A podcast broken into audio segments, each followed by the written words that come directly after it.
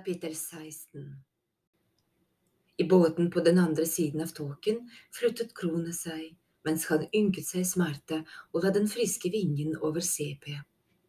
Han måtte passe på at solen ikke brant henne om dagen, akkurat som han måtte holde henne varm om natten. Han skulle ønske det var noe han kunne si eller gjøre for å få tåken til å åpne seg. Han hadde tryglet hjertet om å gjøre noe, noe spesielt, bare for CP. Han helte vann i den tørre munnen hennes og drakk litt selv også. Sepia, sa han. Korp har gått for å hente hjelp. De har sikkert en plan. Han kommer snart tilbake med mat og medisiner og alt du trenger. Dronningen deres vet nok hva som må til. Bare holdt ut, holdt ut, Sepia. Det kalde vannet dryppet ned i munnen hennes. CP prøvde å åpne øynene for å se hvem det var som hjalp henne, men det var for tungt. Hun tenkte at hun kanskje var i ferd med å dø, for hun hadde mistet all følelse i potene igjen, og hun visste ikke lenger hvor de befant seg. Ørene hennes skalv litt, men hun var ikke sikker på hvordan. Minner fløt inn og ut av drømmene hennes. Hun så seg selv igjen, den yngste i en stor familie, liten og med en pode som var bare bitte litt skjev.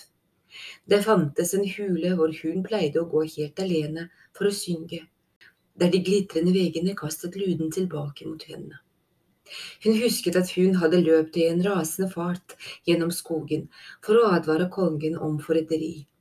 Eller hadde det bare vært en drøm? Kattpote, linti, en båt, og urskinn. Hvor var urskinn?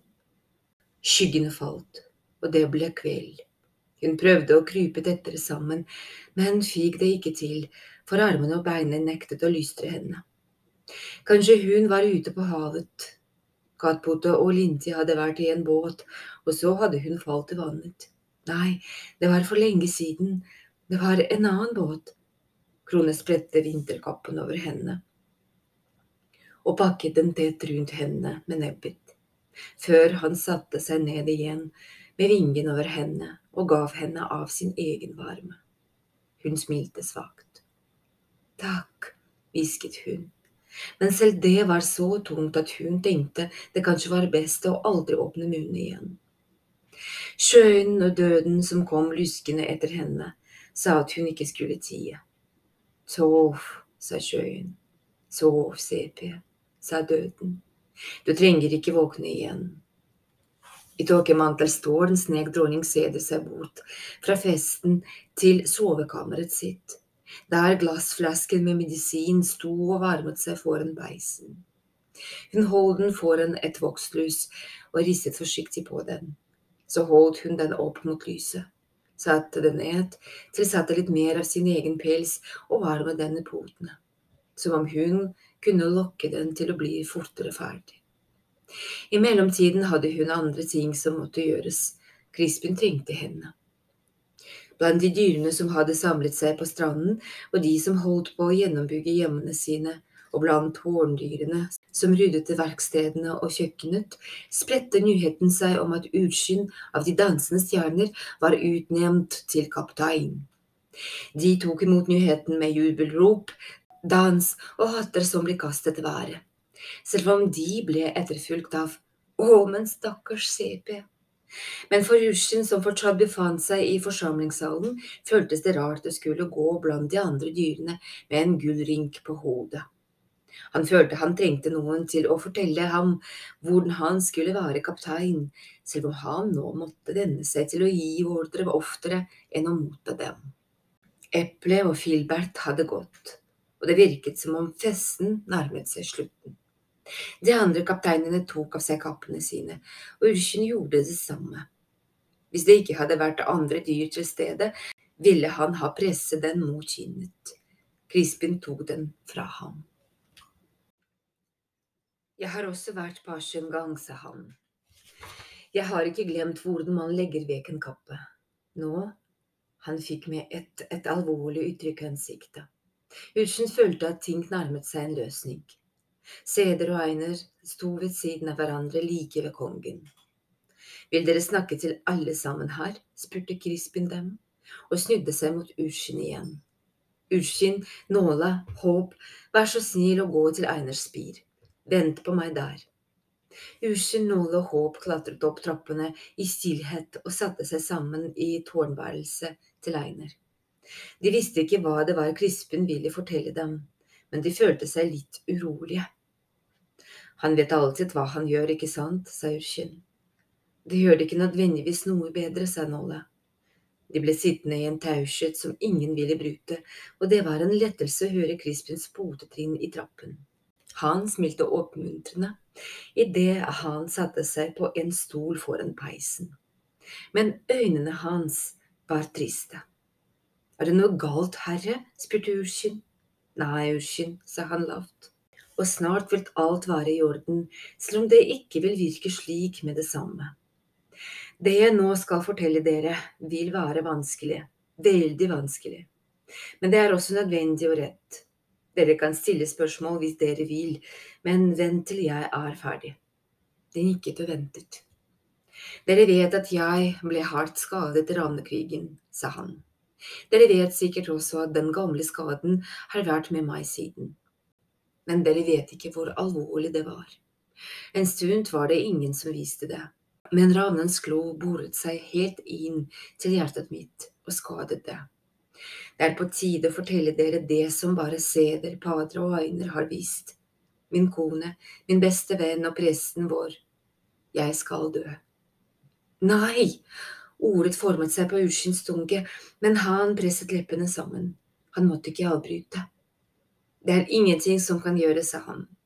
Hvis jeg ikke hadde vært for tripper og blodmosen hennes, og Seders daglige pleie, ville jeg ha dødd for lenge siden.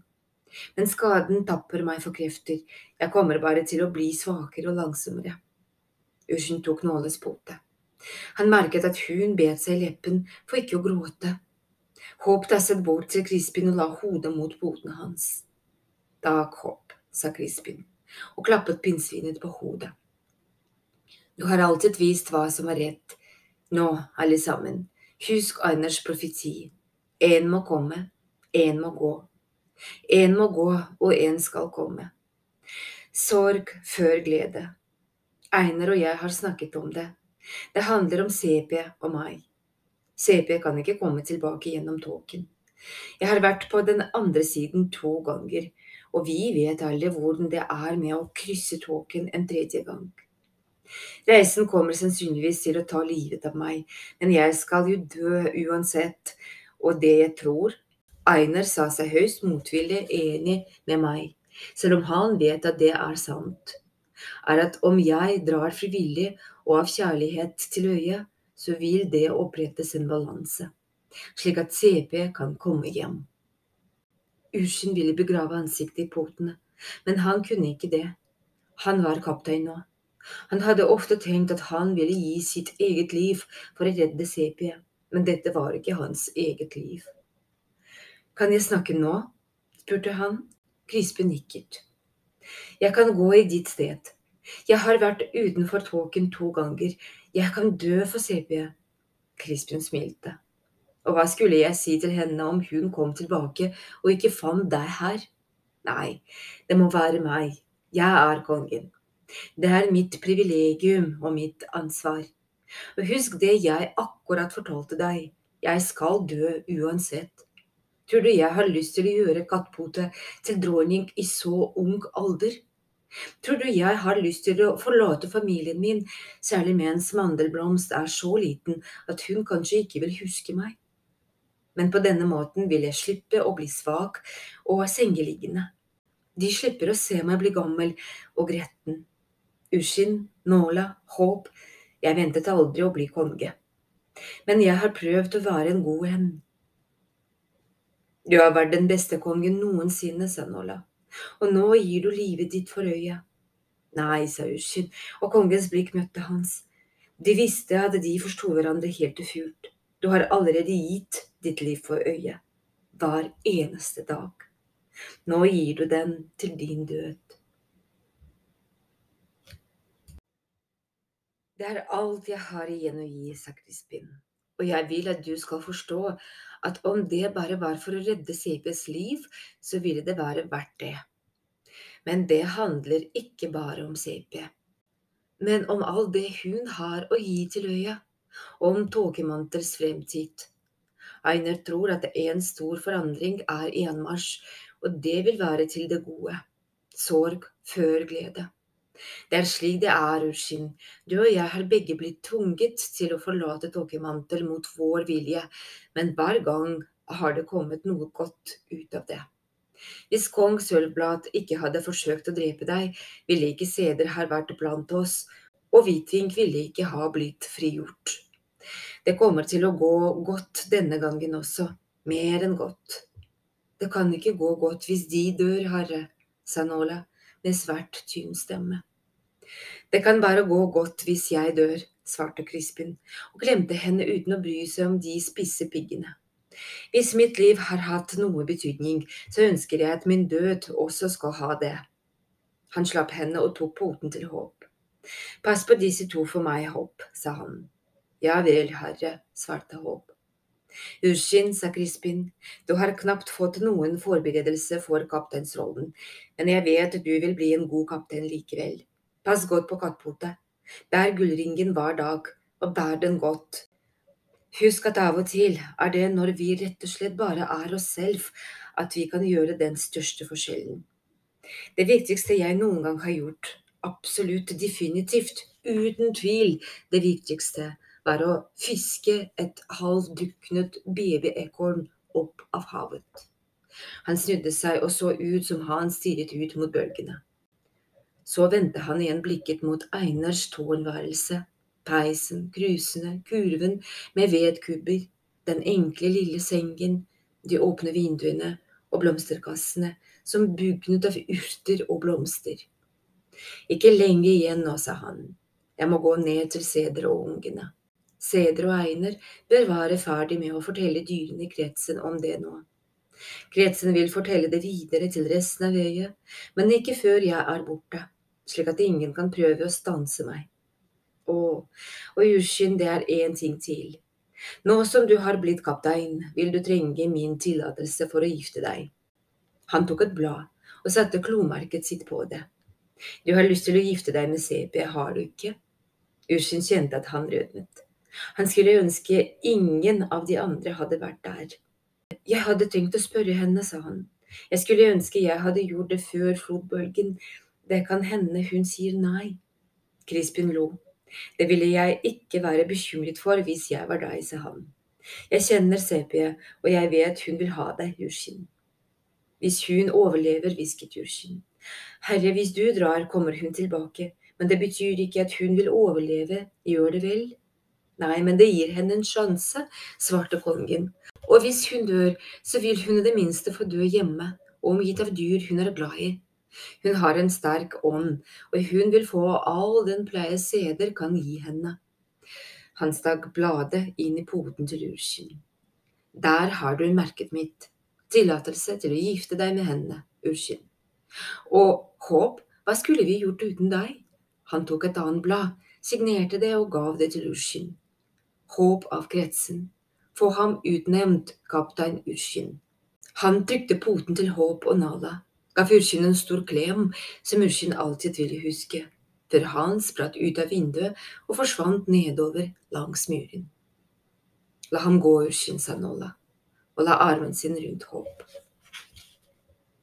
Ivrig etter å se hvordan det sto til med Krone og CP, snek Korp seg ut av tårnet før soloppgang og begynte på den lange svømmeturen ut til båten. Etter flere timer, sliten etter svømmeturen, nådde han frem til den lille båten og veltet seg opp i den. Krone løftet hodet. Korp så de rødkantede øynene hans og ble overveldet av sorg. Hun lever, sa Kronehest. Og du, sa Korp. Du ser fryktelig ut, sa Krone. Jeg vet det. Jeg har ikke sovet, jeg har ikke våget å falle i søvn. Jeg kan ta over, sa Korp. Jeg har med meg vann fra kildeporten. Han åpnet den forseglende flasken med kildevann som han hadde i en snor rundt halsen, og løftet på CPs hode. Ansiktet hennes var magrere enn noensinne. Hun gløttet bare så vidt på øynene. Drikk dette, CP, sa han. Det er vann fra kildeporten. Alle hilser. Ushin, kongen og dronningen. Alle sammen. Langpote og familien din. Kan du høre meg, Sepie? Bror Reiner og Nåla og koret ditt, alle de små kordyrene. De gledet seg til du kommer hjem, CP. De har øvd, så de kan synge for deg. Krone hadde alt falt i søvn. Korp fant honningkrukken, dyppet en klo i den og strøk den over tungen hennes. Honning fra dronningen av hvit vink, sa han. Det vil gjøre deg frisk igjen. Tenk på Ushin. CB følte at noe kalte henne vekk fra dødens trygge havn. Igjen kunne hun kjenne den blomstersøte smaken av honning på tungen. Den smakte av all det hun likte best med sommeren. Sommer, honning, tåkemantel, musikk, urskinn. Det var som om de kjempet med døden om sjelen hennes. Kvelden senket seg over tåkemantel.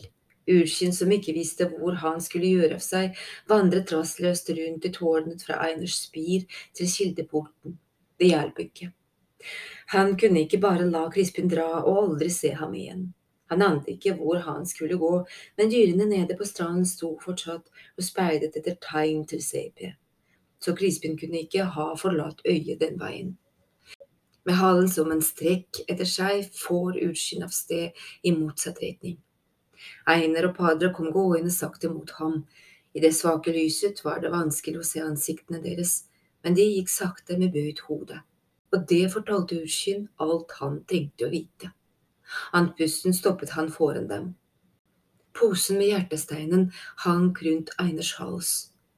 Han er borte, Urskin, sa Padra, og grep poten til Urskin før han rakk å storme mot sjøen. Ikke prøv å stoppe ham,